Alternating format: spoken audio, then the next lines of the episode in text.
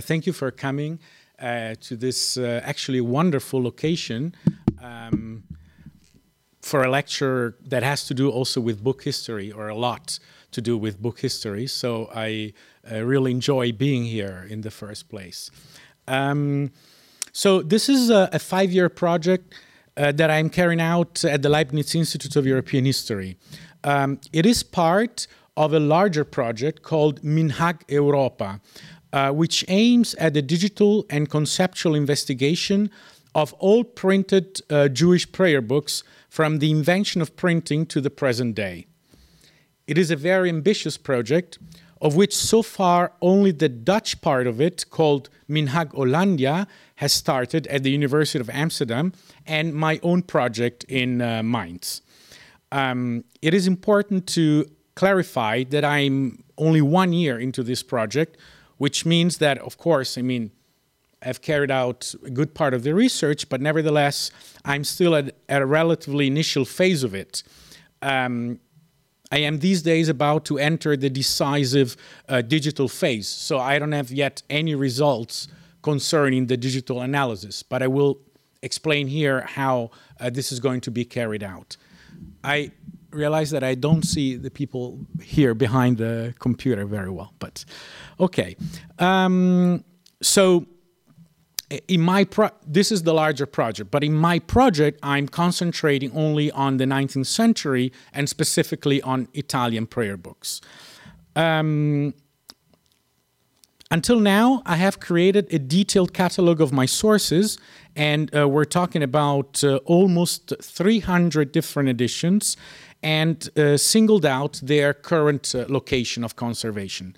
And I will explain later how uh, and why this was already uh, a difficult thing to do. Um, well, I, I, should define immediately what do I mean by 19th uh, century. I take into cons consideration the long 19th century. So um, I'm starting from 1796 until the eve of the of the First World War, 1914. Um, it might be that with time I will have to try to reduce my corpus in a certain sense, but we'll see. This is like my initial approach, at least. So, the aim of this project is to carry out a digital and conceptual investigation of 19th century Italian prayer books with the purpose of utilizing them as objects of historical inquiry. The tools I will use consist of an inventory and digitization of these prayer books in order to enable a digital analysis with OCR software. I will explain how this works.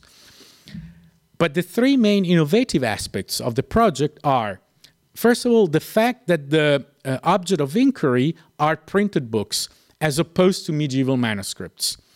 Up to now, the vast majority of researchers in the field of book history within the Jewish studies have focused on medieval manuscripts. Concentrating on printed books would constitute a change of this paradigm. Within the realm of book history, the special attention will be to prayer books, and we will see in a minute why, and in which way this is a different approach from the previous ones. And third, of course, the methodology, like the digital uh, methodology and tool. So, why prayer books?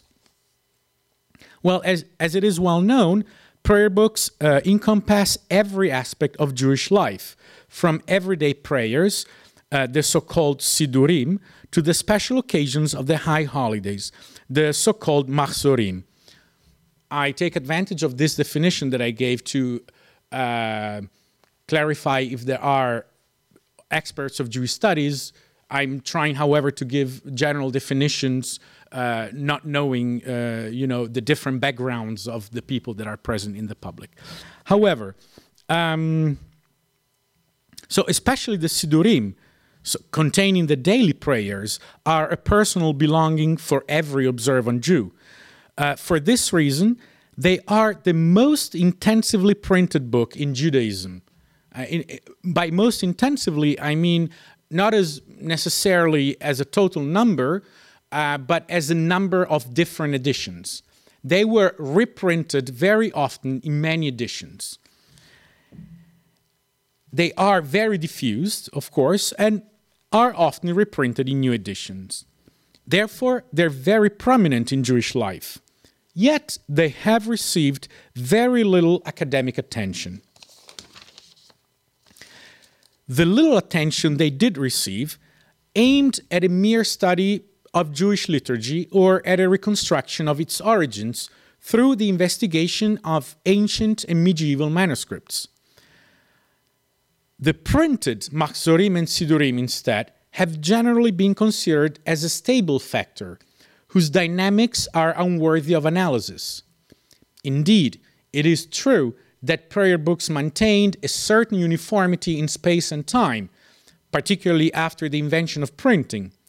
But the project's point of departure is that, on the contrary, the small changes of the many different editions can actually represent important cha- changes in the political and cultural perception of a specific Jewry in a specific place and time. Thus, they are a stable factor in the sense that they provide stability to a Jewish community within its social political context through small changes. For instance, an example that I always give is the insertion of a prayer uh, for the king or its removal.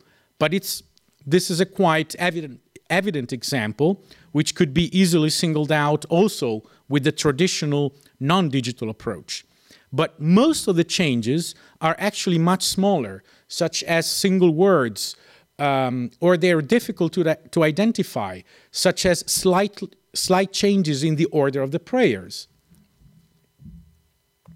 So, exactly these small changes, but with relevant cultural and political implications, can now more easily and faster be investigated thanks to the technology of the OCR, optical character recognition, which will be used in this project. Uh, the OCR, in other words, is a software that is able to read texts and um, transform them into a regular digital file, like a PDF file, for example. This way, it is possible, of course, once you have the digital file, you can, of course, approach it with whatever uh, tools that you, ha- you have nowadays digitally to make some textual analysis. There are softwares that are able to identify specific changes, changes of single words, uh, clusters of words, repetitions, etc., etc. So it's actually a two-phase digital thing.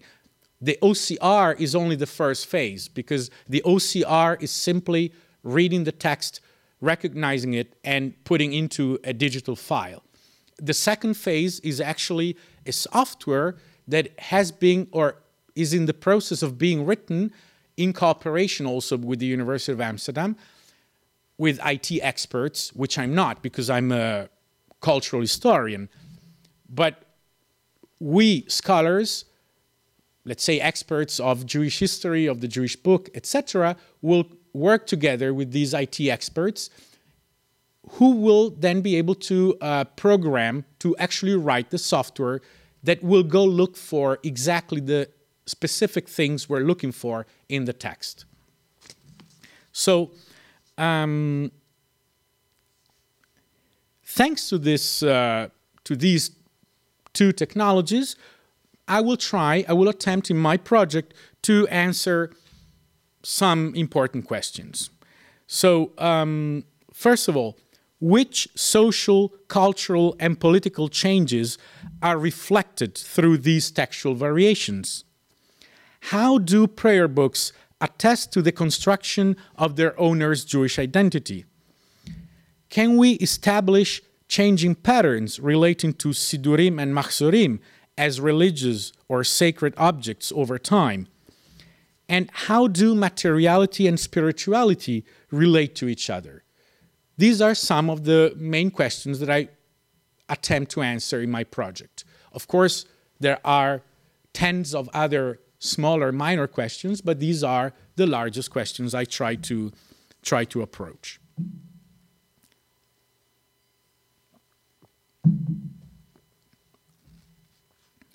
So But let me try to uh, define my corpus a little bit better, a bit more precisely. Because, I mean, the title of the project is Minhag Italia, so the liturgy of Italy, the Italian liturgy. Minhag is a Jewish word that can mean many different, it's a Hebrew word that can mean many different things, uh, but in this specific context means like liturgy, customs. Um, first of all, what do I mean by Italy? What do I include? What do I not include in this definition, which for the 19th century is problematic. It's not an easy definition to give. If we talk about Italy nowadays, we have a specific structure. What is Italy? We have a political political borders, etc., etc. For the 19th century, it's a more complicated picture. For the Jews of Italy in the 19th century, it's an even more complicated picture. So, I'll try to say a few words. Um, Italian Jewry is characterized by a strong fragmentation and by the small size of its many communi- communities scattered throughout the peninsula in the several small states which, w- which were then unified as a country in 1861. Uh, so for the period, I'm actually putting it a bit higher. For the period of the uh, uh, before 1861, we talk about pre-Unitarian states of the Italian peninsula. Uh, we theoretically cannot use the word Italy, of course, for that period. But my project includes the period before that, but goes beyond. It goes up to 1914. So for the period after that, Italy, it's still a dynamic definition, but it's a more precise definition. In any case, we have to keep in mind this uh, the fragmentation of the Italian Jewish communities. There are many communities and relatively small in comparison to other northern or northeastern European uh, communities, for example. Uh, for instance, Rome's Jewish community, the largest single community in the Italian peninsula at the time, counted in, 18, in the 1860s or 1870s about 5,000 Jews. It's very, it's, not, it's very few. It's not a very large community. If you think that at the same time in Berlin, there were like 40,000 Jews. So um, the Italian, the entire uh, Jewish population of Italy at the time of unification in 1861 was short, a bit over 32,000. so we're talking about really small numbers, but with a very strong uh, cultural impact, also in terms of book history. Um, yeah, this is it's very important to keep to keep that in mind, of course. So, in addition to this geopolitical fragmentation, there is also a diversification of Jewish groups. If the, um, if the main group uh, was formed by the so called Italkim, that is, in a certain sense, the original Italian Jews present for more than 2,000 years in the Italian peninsula, since the, uh, the time, since the you know, the first century before Common Era, before Christ. Uh, we, we have also a significant presence of Sephardim, uh, the Jews from the Iberian Peninsula, and Ashkenazim, Jews from Central Eastern Europe, often cohabitating in the same city. In addition, uh, we have relevant communities of Italian Jews that settled around the Mediterranean, these were mostly Sephardi merchants, uh, merchants that had been expelled from the Spanish dominations in southern Italy in 1541, or that belonged to Livorno's famous trading networks and settled in port cities around the Mediterranean, such as Corfu, Salonika, Istanbul, but also Alexandria, Tunis, or Algiers in North, in North Africa, to just name some examples. So, to clarify, my corpus will be limited to the prayer books used by Jews residing in the Italian peninsula.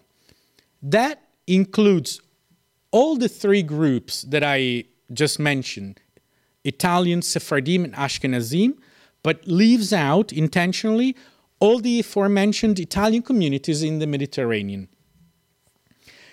This choice is, first of all, dictated by the necessity of keeping a manageable uh, corpus. As I said, we're already talking about more than 300 editions. And um, so, in terms of dimension. But the second reason, equally important, is that including these Mediterranean communities would vastly complicate the analysis in terms of variety and number of different socio-political environments I would have to consider. In other words, uh, if I have a certain experience or knowledge in the history of Italian peninsula, of the Risorgimento, of Italian history, etc., and I'm better able to place all the different changes and variations uh, within the Italian context, it would be a lot more complicated also for me to uh, simply include Ottoman history, Habsburg history, North Africa, and what, you know, a huge amount of different histories. Um, so, this is the definition of my corpus. Let's have a, a, a brief look at where do these sources come from? Like some of the words are a bit small, but I will uh, I will tell them. First of all, you uh, can see that this is not uh, this is not a historical map because I I did this map online on um, with a tool which is called Palladio. I don't know if you've ever heard of it. This is um, uh, a tool that allows scholars to create maps that also contain uh, quantitative information. So in this map, I uh, pointed out all the printing locations of the Mahzorim, that is, of the prayer books for the high holidays, that were used by Jews in the Italian peninsula, peninsula in the 19th century. Uh, but you see that the different uh, dots indicating the different cities are of different size because this Palladio allows um, anyone to indicate also a certain quantity and creates automatically a circle which is exactly proportionally uh, large according to the quantity that we put in. So immediately one can notice that Livorno, maybe I can point it a bit better with this. No? Like this? oh well, here, the largest dot, right? Um, Livorno emerges immediately as the largest center of production of prayer books. It wasn't necessarily the largest uh, center for the print for the printing of Hebrew books, because there was also Venice, but for the prayer books, yes, by far. And by the way, in any case, Venice was a very important center of, for Hebrew printing, but especially for the early modern times. So, for all the printing between the 15th to the, let's say, end of the 18th century, Venice in, it, in the Italian peninsula was probably the most important center. The geography switches toward Livorno if we enter the 19th century, but by far, you see 111 different editions of only of the prayer book of the Mahzor, of the prayer book for the high festivities, um, in the time span of 118 years. So it's almost one edition per year. And then, surprisingly, we have Vienna in the second position uh, with 20 different editions. So I wasn't surprised, let's say, to find out that some of the prayer books for Italian Jews were printed abroad um, and also not in Vienna, because of course, Vienna had a very strong connection, especially with the communities of the Habsburg uh, part of Italy Padua, Venice, Trieste, uh, but also Gorizia, smaller centers uh, like this. So it, ha- it had a very important uh, printing house with Hebrew characters, that of Anton Schmid was called. He was a, a major Hebrew printer at a European level.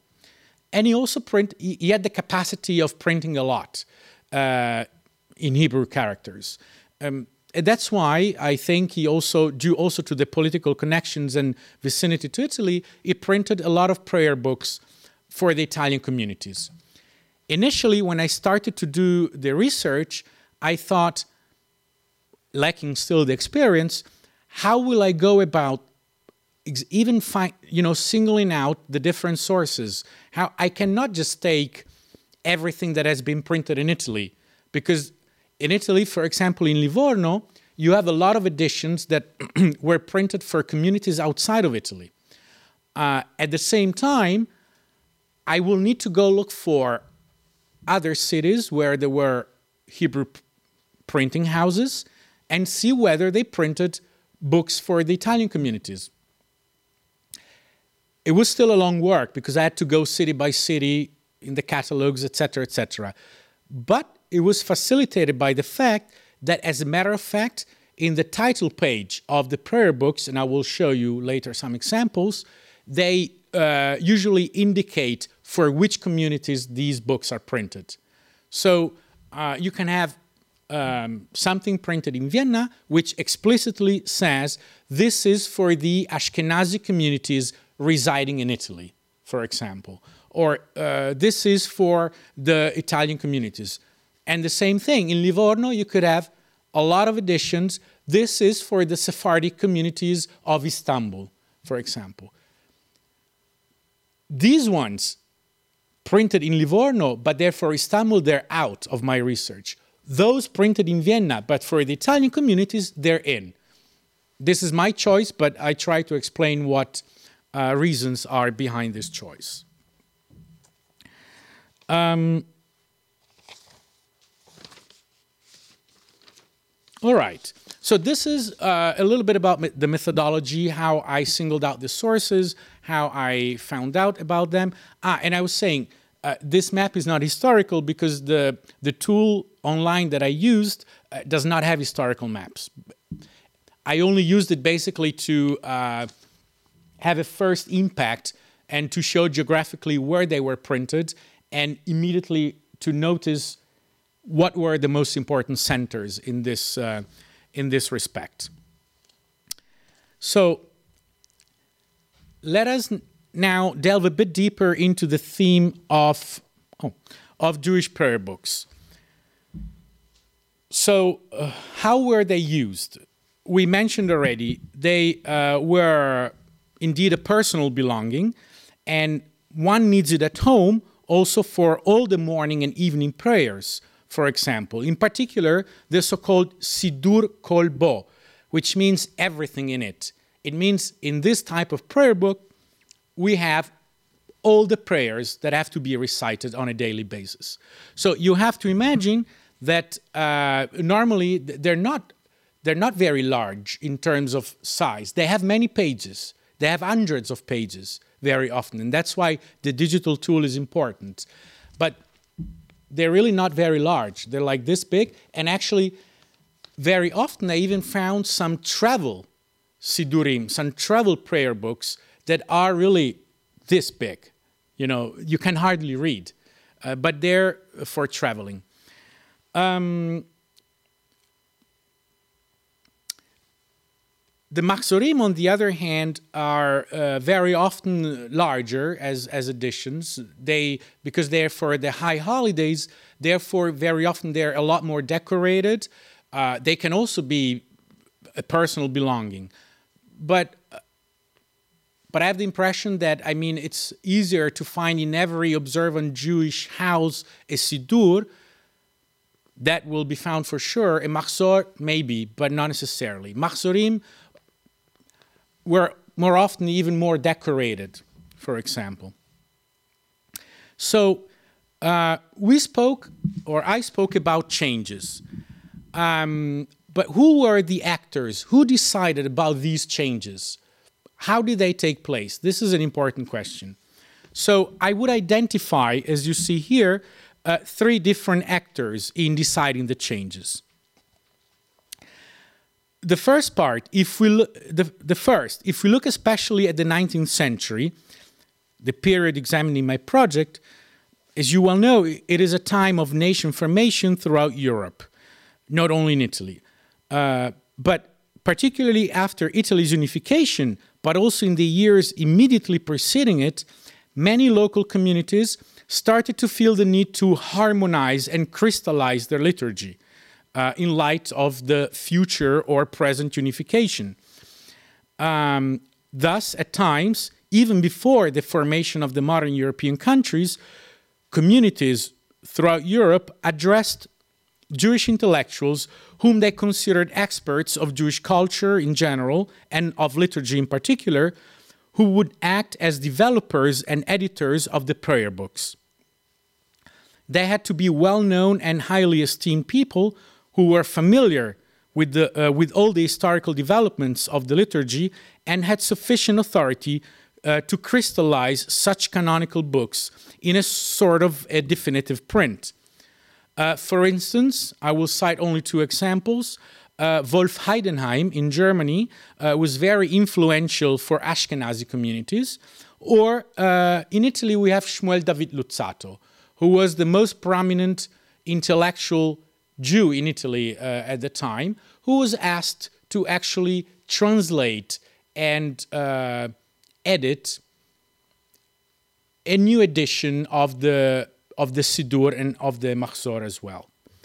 But then, of course, there were also the Jewish communities, that is, rabbis and the community leaders and their councils. They played a role as well, of course, an important role in the decision of how to modify and when to modify the prayer books. But after a year I'm into this uh, field of research, I'm getting more and more convinced that a very important role was played by the publishers themselves. Um, of course, they printed and they published according to what the communities were asking them to do. But in the last, ultimately, they were the ones that had to sell the books. Uh, therefore, they were often responsible for uh, changes in the texts, uh, in the, but also in the decorations, and especially in the structure of the book. They had to work at the market, marketability of the books, so they, they had to change uh, the, the type, the structure, the lining, the book itself, because they had to follow the fashions of the moment. They, they needed to sell their books. And um, so I have the impression that very often they even had uh, a saying in modifications in the text itself. So, but the question is, what do we really want to find out uh, with this analysis? Yes, I mean, uh, of course, uh, we also want to look at the changes determined by the different approaches to Jewish identity, modernity, and nationalism. Yes, that's an important part. However, we also want to look, for instance, at the construction of new prayer books, of new groups, for example, the Reform movement, and the fact that there was an important reform movement born in Germany in the 19th century that, uh, inspired by enlightened values, uh, promoted a reform of not only the Jewish liturgy, but of Judaism itself, in a sense. Uh, but this, the new reform prayer books, they also inspired changes in the Orthodox prayer book, for example. So, can we really mark the borders in liturgical terms between the two? How different are really the two liturgies? For instance, it is said that the Sephardi prayer books uh, inspired the reform. Is it really true? Possibly, but I, I want to try to address the question. I want to try to find out. It is said that the Hasidim, the Hasidic movement, uh, are also inspired by the Sephardi prayer books. Is it really true? So basically, through the prism of the prayer book, we have the possibility to challenge some traditional Jewish categories and ask ourselves questions like what is really Orthodox? What is Reform? What is Sephardi? What is Ashkenazi? What is Italian? Etc. So these are really the ground questions that I want to address. Just a bit.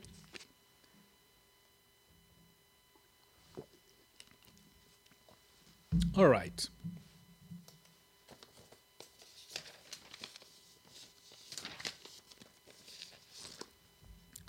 So,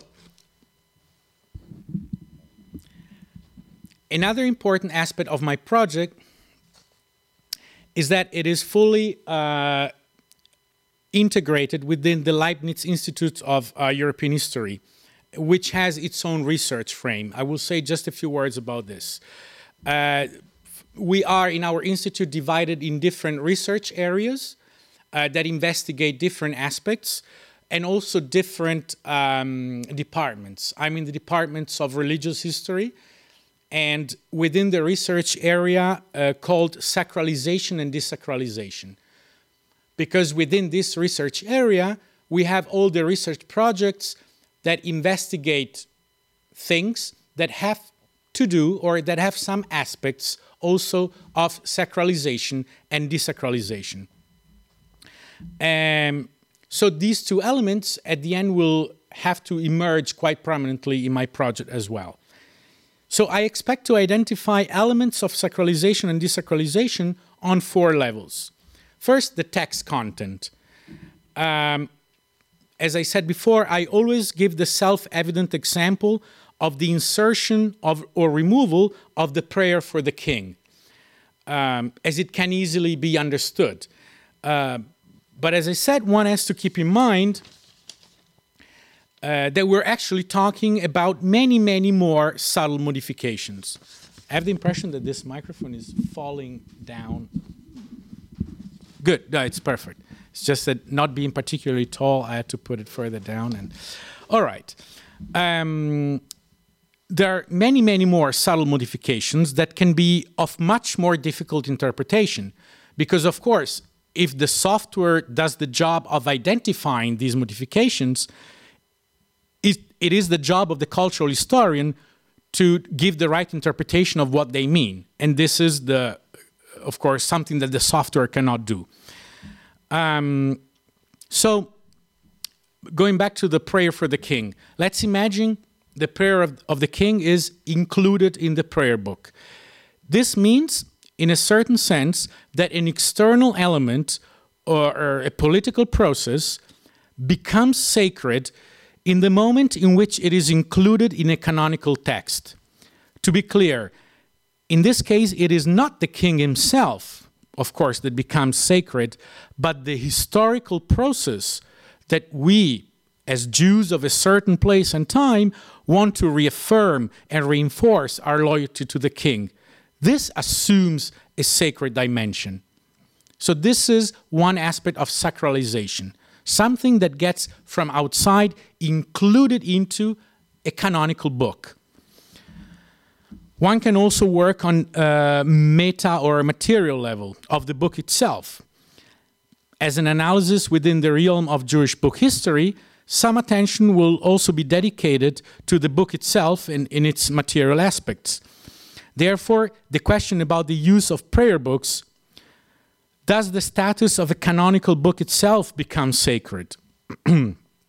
For this aspect, the role of publishing houses will be fundamental. Three, concerning the aspect of desacralization, we can identify two further levels, leading to two different questions. Do Enlightenment discourses have an impact on ritual elements? Actually, we already know the answer to this yes. But uh, in this case, it would probably be more appropriate to talk about de-ritualization rather than desacralization. As a matter of fact, we do know that under the influence of Enlightenment thought, we witness a shortening or even a, a removal of some prayers and ritual elements, particularly in Reformed prayer books. But how does this actually take place? And how does this deritualization also influence the Orthodox prayer books. And finally, connected to this, we can identify a fourth level, uh, that of the Jewish community itself. Through this desacralization slash deritualization, can we affirm that belonging to Judaism itself undergoes a form of desacralization? This is a more complicated question to answer, of course, because we still refer to uh, practicing and traditional Jews, at least up to a certain extent. But I do think it is worth investigating.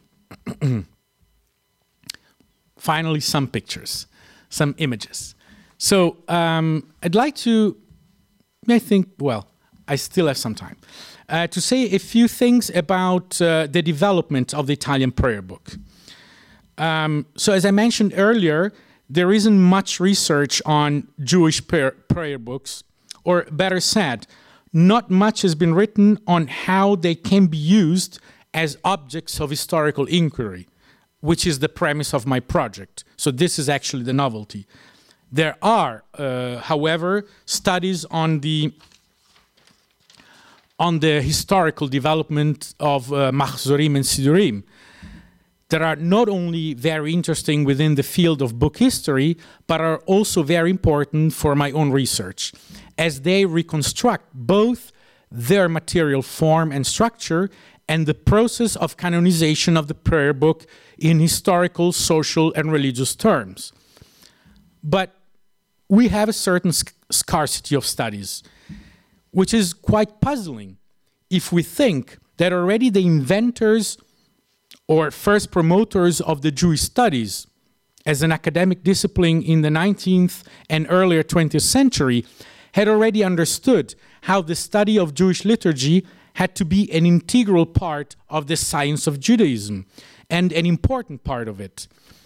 Leopold Zunz in Berlin considered the founder of the Wissenschaft des Judentums, the science of Judaism, wrote the synagogale Poesie des Mittelalters, the medieval liturgical poetry, in 1855. And even more importantly, the Ritus des synagogalen Gottesdienstes, the rites of the synagogue service, in 1858. These pioneering and still valid works, in many respects, did not, however, initiate a whole new branch or wave of studies in Jewish liturgy.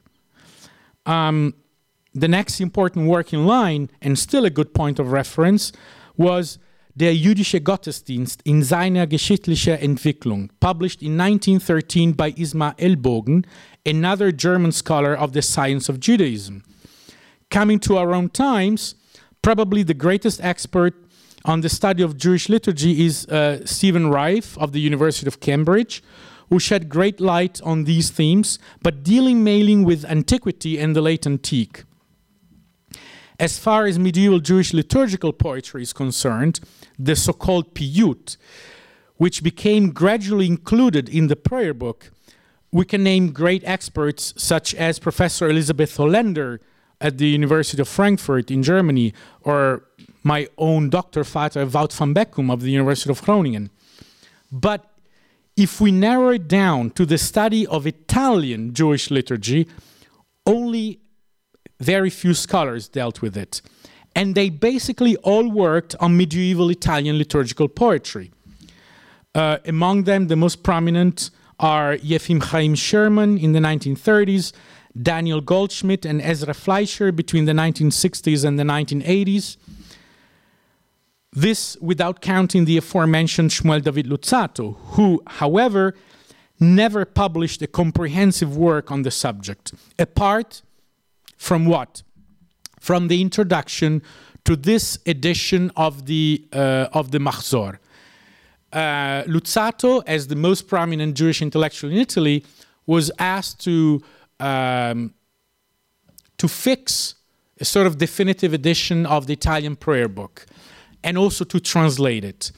In the Siddur, the prayer book for everyday prayers, we have a full translation made by, by Luzzatto. The Machzor was actually written in Hebrew. Uh, here it says, Machzor kol hashana kefi minhag Italiani. The Machzor for the whole year according to the Italian rite. Um, and it was published in Livorno, here And here uh, we actually have the date um, of publication, 1856. Uh, I will say uh, I will say a few words about uh, how the wor- uh, the date works in a um, in a Hebrew publication, uh, very or briefly. Um, the numbers in Hebrew are identified by letters. Each letter corresponds to a certain number and each letter therefore has a, a, certain value. A letter is worth 100, 200, 500, etc., etc.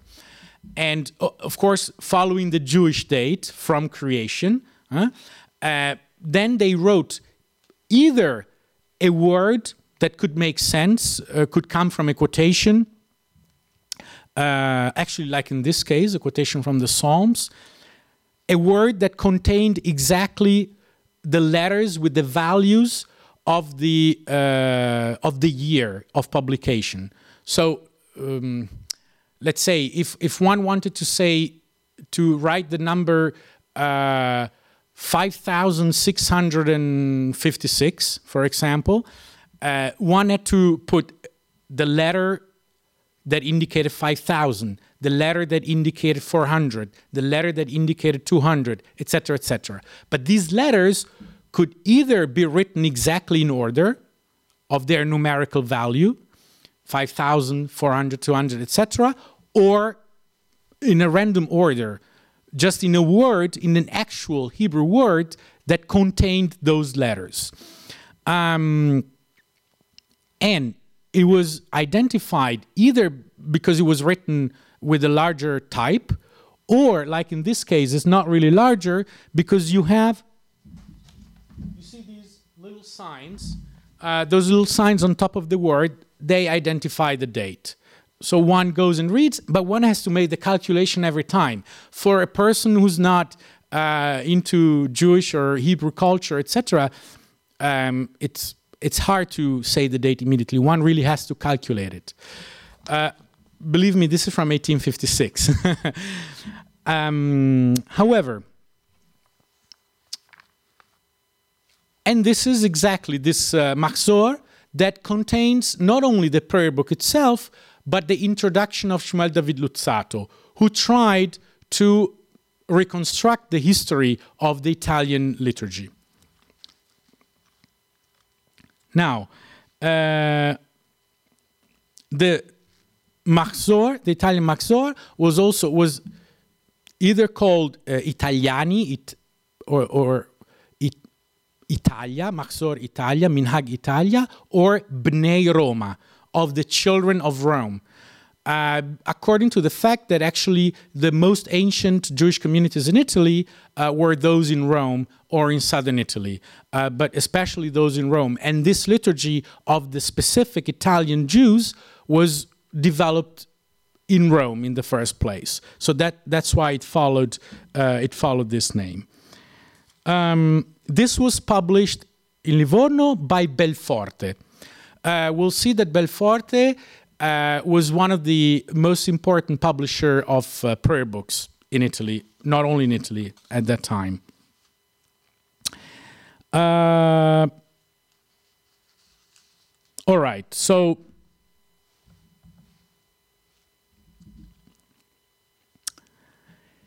if you look at our times, um, apart from a, a few scattered studies written in the Italian language, Basically, only the German scholar Peter Lehnardt of the Ben Gurion University of Negev in Israel has dealt with Italian Jewish liturgy.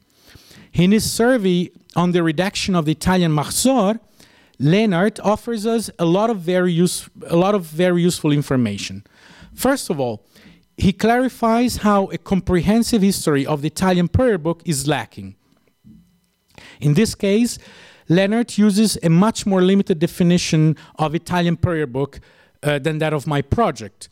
He really refers only to Minhag Italia stricto sensu, that is, the liturgy of only the Italkim, the original Italian Jews in the Italian peninsula. So he excludes all the Ashkenazim and Sephardim residing in Italy.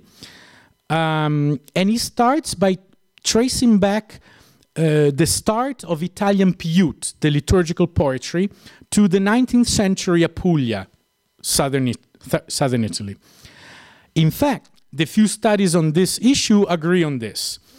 Uh, also because, as I just said, together with Rome's Jewish community, the southern Italian Apulian Jewish communities, particularly in the towns of Otranto and Oria, are Europe's oldest Jewish communities, dating back even to the first century before Common Era, before Christ.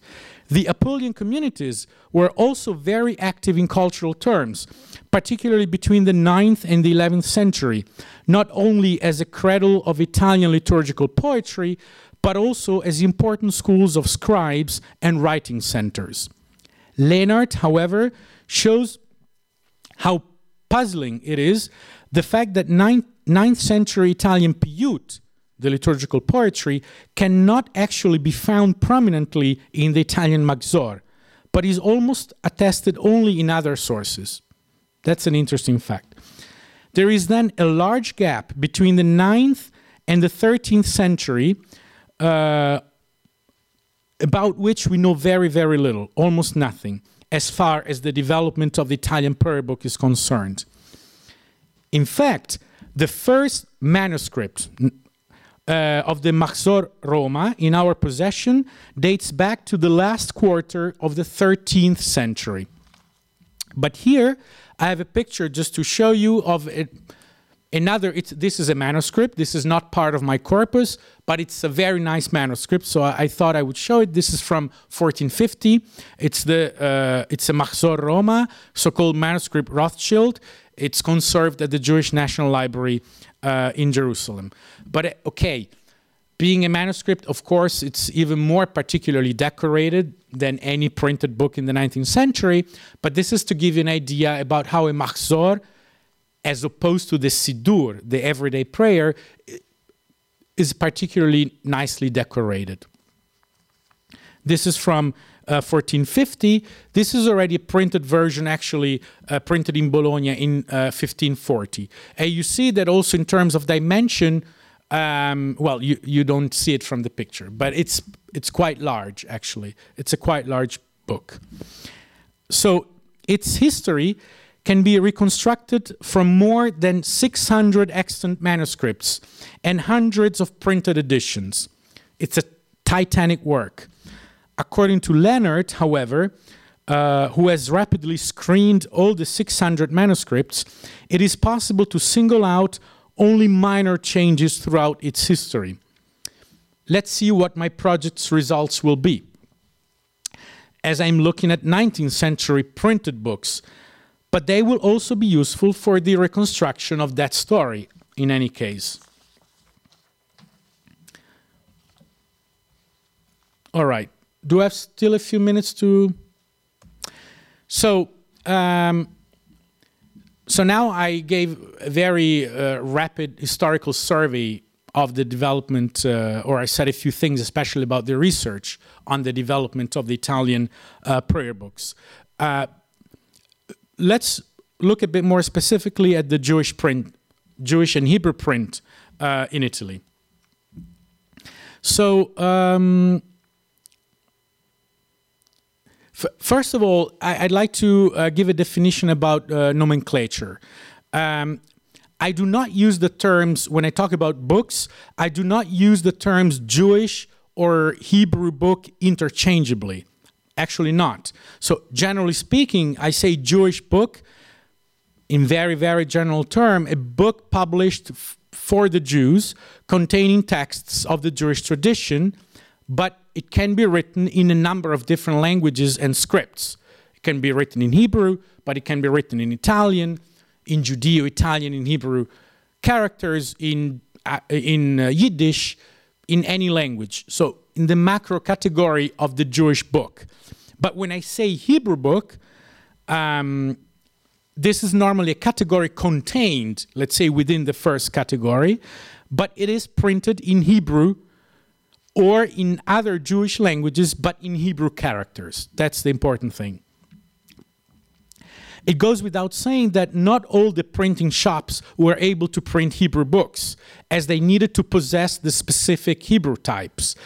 Um, the history of the Jewish book does not radically differ from that of the general book. We have similar, also chronological developments from scroll to codex uh, to printed book uh, with the noteworthy exceptions of a few texts that in the Jewish tradition always have to remain in the form of scrolls. Uh, the most notable uh, exception among them is, of course, the Torah, the Pentateuch, but also other scrolls, the Megillat Esther, etc., etc. Nevertheless, if we come down to printing, there are two main points that distinguish a Jewish book immediately from its non Jewish counterpart. Jewish book, and not necessarily Hebrew book. And then I will go to Hebrew book. The fact, first of all, that in any case it's very often written in Hebrew types and that it opens from right to left, of course. These are macroscopic uh, uh, differences, but they're not always obvious for if one is not from the field.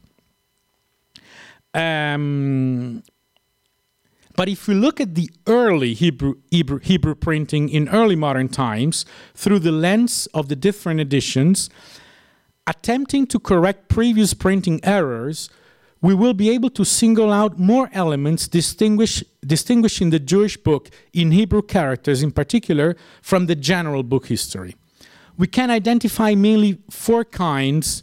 Let me see. Ah, no, I didn't. Well, we can identify, go back here, uh, mainly four kinds or causes uh, of modification.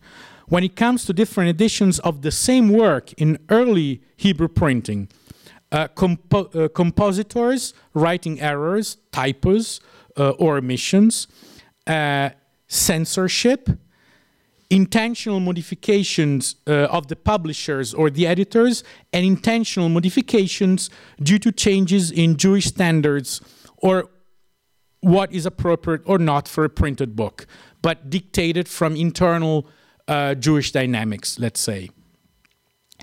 Uh, these elements are not peculiar to the Hebrew book, but they are, uh, uh what is peculiar is the recurrence of these errors or modifications, which, due to external pressure or other factors, are a lot more frequent. Why? Because especially in the early modern times, not anymore in the 19th century, but in the early modern times, uh, the Hebrew printers could not hire uh, uh, Jewish typesetters. So they were Christian typesetters who could not read Hebrew. And therefore, uh, they, uh, they were making mistakes more often than in general print. Um, of course, mistakes existed also in non Hebrew printing, but there they occurred more often uh, because very often there are letters in Hebrew that look very similar, but they're not. Uh, they're not the same. So they saw the text and they put the wrong type, uh, basically confusing the letter. But they could not read the sentences, so they more easily skipped words uh, or skipped lines. Things that again occurred also in general printing, but more often, more frequently in the Hebrew printing. This changed then in the 19th century. They could hire peop- like people that could read uh, Hebrew for the typesetting. So the occurrence uh, is the same. But uh, what happened is that uh, the editors in the early modern times they could those could be Jewish and they could read Hebrew, so they were reading uh, the print while it was being printed. So in the early modern times, they use very often the technique of the stop press. That is, that they really stop stopped uh, printing um, during the process because the, the editor was reading the text in that moment. When he found a mistake, he stopped the printer immediately and they changed the, the types while printing. So, in the early modern times, especially in the Hebrew book, you have within the same edition different uh, versions of the book with different errors or different corrections. So, this is uh, one important thing. In addition to composition errors or omissions, we have to add uh, intentional changes of the texts. In this case, the main actors were the publishers and the editors, uh, but this is also in common with the non Jewish world. A third element that played a role in the modification of successive editions was censor- censorship, uh, which, of course, also played a role uh, in Christian printing, let's say, but in the within the Jewish world, especially if we look at the uh, Inquisition at the 16th century, it played a very strong role not only in censoring sentences or words, but entire books were forbidden or burnt. Let's think of in 1553, the Talmud, very important uh, book in Jewish tradition, was burnt by the Roman Inquisition. The fourth element is exclusive of the Jewish world and is particularly connected to my own project, and that is internal issues within the Jewish community. These consist of, for instance, changes in the sensitivity of the readers in different times, words or expressions that were acceptable and used in a specific time, but might go out of fashion at a later time, and vice versa Entire topics might be omitted or added. Titles changed, and even decorations can be modified, removed, or added according to changed sensibility or the fashion of the time. This element can be put together also with structure and material modifications, such as of book material, lining, character, which also have to do uh, with marketability, uh, of course. These changes that can be dictated by the leaders or rabbi of a specific community are one of the necessary premises of my project. If the first types of modifications I illustrated mostly played a role in early modern times, this type of modification that is uh, controlled by the Jewish community um, is actually very well present also in the 19th century. In that century, the occurrence of these modifications due to internal decisions of the community leaders increased and were pushed also by many external political factors, such as the rapid and frequent changes, political changes, taking place in the 1800s in the Italian peninsula. This as a historical survey, a little bit. So let's have a look at a bit more uh, editions here that I selected for today.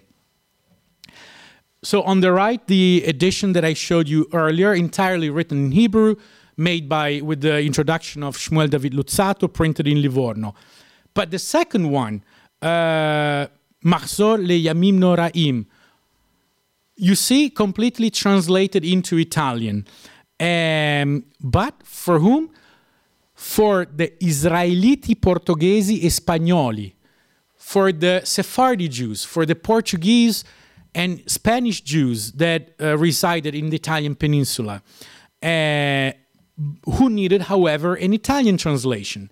So, already by seeing the fact that the uh, Mahzor of the, of the Italian Jews is written entirely in Hebrew, and those of the Spanish Jews is translated into Italian, can tell us a lot about the customs, the usages of these communities. Um, we can you know, infer many different, uh, many different things.